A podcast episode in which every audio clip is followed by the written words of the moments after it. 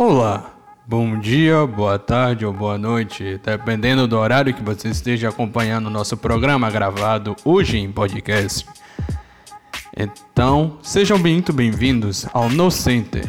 Aqui você acompanha as principais notícias atualizadas da educação em geral. E no programa de hoje, iremos tratar sobre o RE, ou Ensino Remoto Emergencial. Lembrando que teremos também a participação especial de uma professora praticante do ensino remoto emergencial para a educação infantil, bem e para iniciarmos, vos pergunto: vocês sabem o que é essa política pública recém-implantada em meio ao período que vivemos de pandemia? Se não, irei explicar a vocês.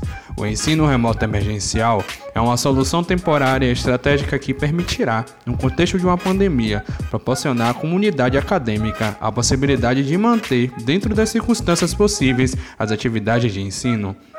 Ao contrário das experiências planejadas desde o início e projetadas para serem online, a educação à distância, EAD, o ensino remoto emergencial é uma mudança curricular temporária e alternativa devido às circunstâncias de crise envolve o uso de soluções de ensino totalmente remotas para a instrução ou educação que de outra forma seria ministrada pessoalmente ou em cursos híbridos que retornarão a esse formato assim que a crise emergencial arrefecer.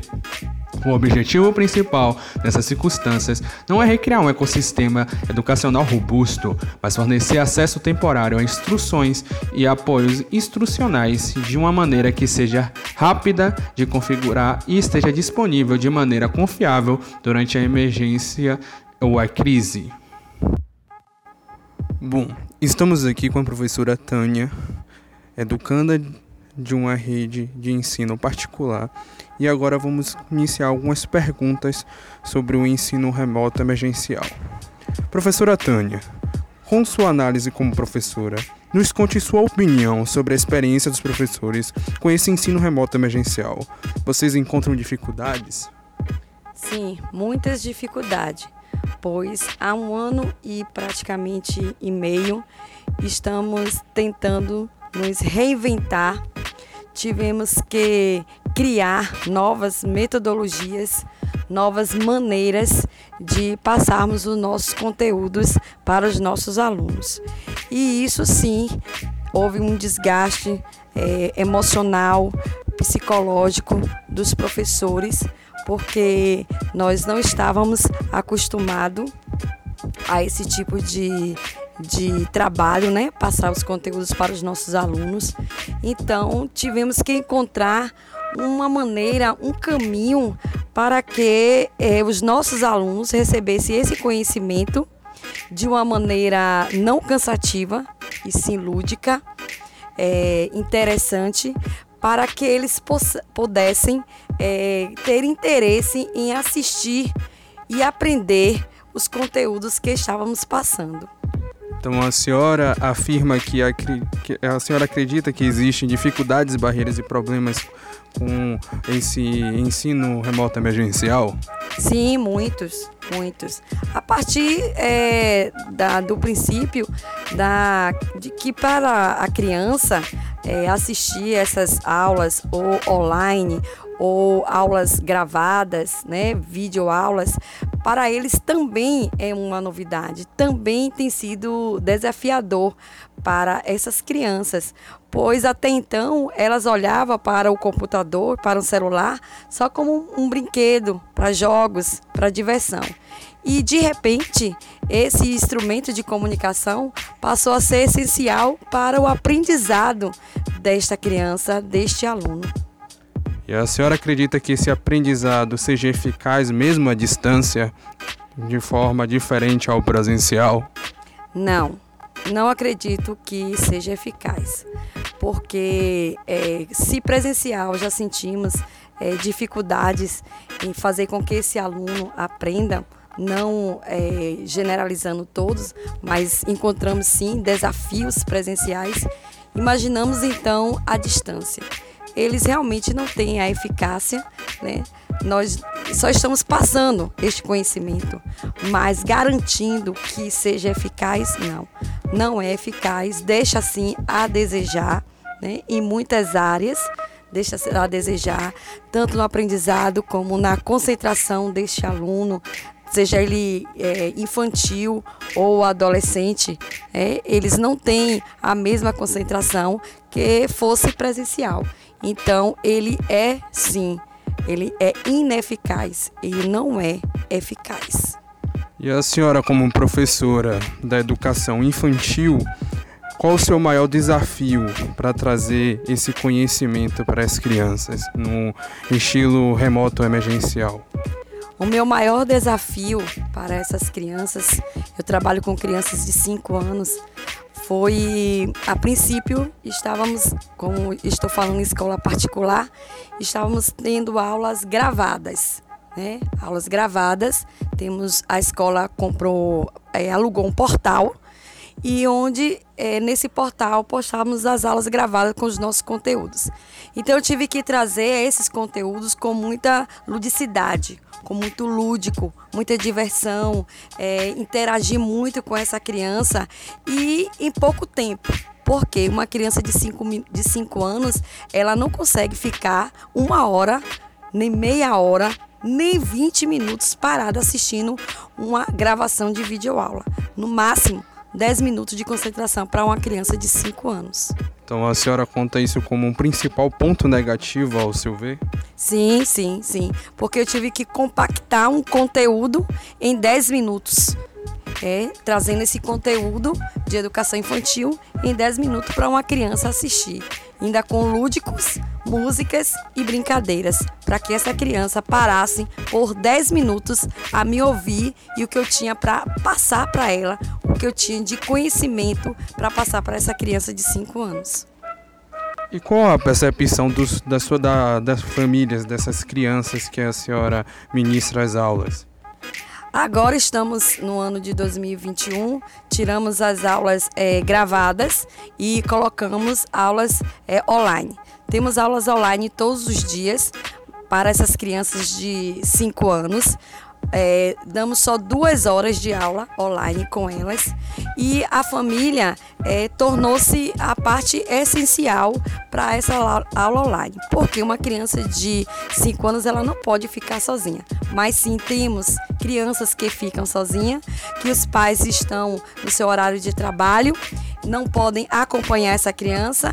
Essa criança fica ali na frente do computador, do notebook, só com as minhas orientações e algumas outras não. Temos famílias apoiando. Temos, mas ela não consegue fazer o papel é, didático e com a metodologia para que essa criança consiga aprender é, esse conhecimento que estamos do outro lado da telinha passando para eles.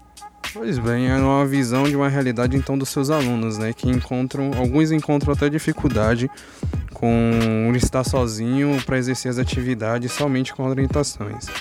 Bom, seguindo as perguntas, é, você como professora de educação infantil acredita que seja pior o ensino remoto emergencial para educar as crianças, os pais tornarem presentes, é, ou o ensino presente se torna melhor com fora a ajuda dos pais?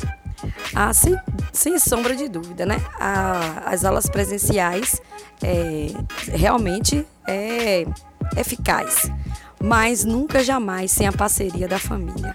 Mesmo presencial, o lema é família escola juntas. Família escola separadas não funciona com crianças nem adolescentes.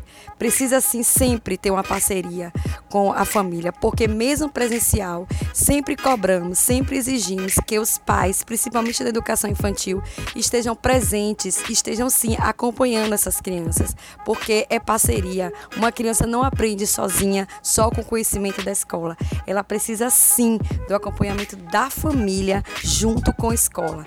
Família e escola sempre juntas na educação dos nossos alunos.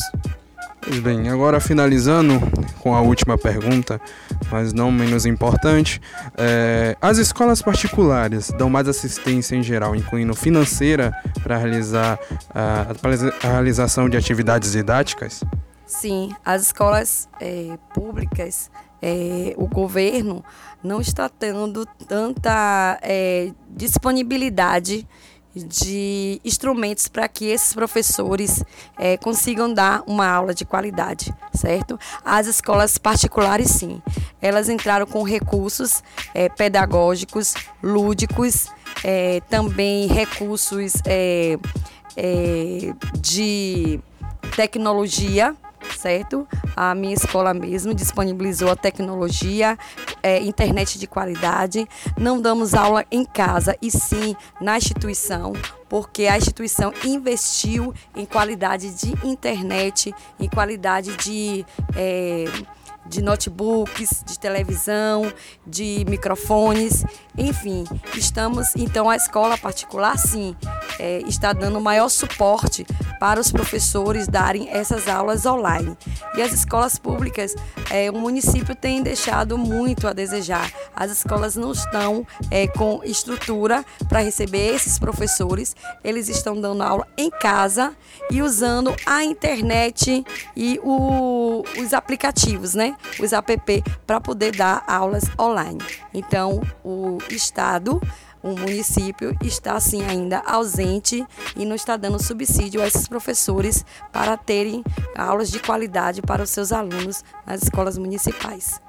Pois é, uma realidade bem triste comparado com a escola particular, mas espero que o governo acaba tendo uma solução melhor para ajudar nisso. Então, é, ficamos por aqui. Muito obrigado pela sua presença, professora Tânia. E muito obrigado pelo seu minuto de atenção e informações. A senhora tem algumas alguma consideração a deixar? Não, agradeço, né? É bom de estar podendo expressar é, a nossa opinião em relação a essas aulas online e dizer que está sim é, sendo. É, hoje eu vi uma reportagem dizendo que os professores estão em casa, que os policiais estão na rua, que os motoristas de ônibus estão na rua e os professores estão em casa e eles precisam voltar para as escolas. Nós estamos em casa, estamos, mas estamos trabalhando, estamos dando o nosso melhor. Tivemos que nos reinventar. Viramos YouTube, viramos pesquisadores, viramos editores de, de vídeo. Enfim, continuamos sim trabalhando.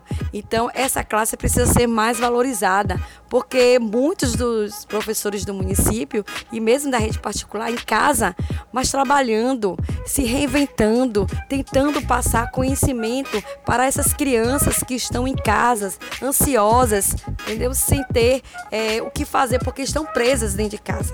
Então, eu quero dizer sim, que estamos trabalhando, nos reinventando e foi um aprendizado.